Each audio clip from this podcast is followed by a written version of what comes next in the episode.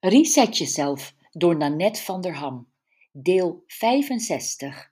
Levensfacet 3. Je fitheid. Resetters 11 en 12. Met het levensfacet je fitheid wordt lichamelijke fitheid bedoeld. Voeding en beweging zijn hiervan de ingrediënten. En we hoorden het al eerder: je bent wat je eet. Je voeding bepaalt je fitheid. In de Reiki-levensstijl wordt gezegd: je hoort fit aan tafel en fit van tafel te gaan. Als je moe wordt van je voedsel, heb je iets gegeten dat niet goed voor je is. Lichamelijke beweging zet alles in beweging. Het gelukshormoon dopamine wordt aangemaakt en dat andere hormoon dat je een natural high geeft, endorfine, komt ook vrij. Ook al kost het wat moeite om in beweging te komen, met het geluksgevoel als je beloning voel je je al snel heerlijk.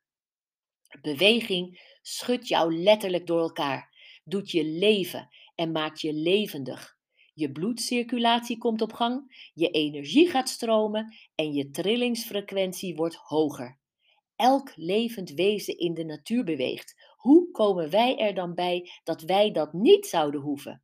Ken je de Engelse uitspraak fat, frumpy, achy, tired, or fit, fun, inspired, transformed? Let's get fit! Hier komen jouw resetters 11 en 12. Ga touwtjes springen, zelfs zonder touw. Het is een van de meest effectieve manieren om conditie op te bouwen, vet te verbranden en fitter te worden.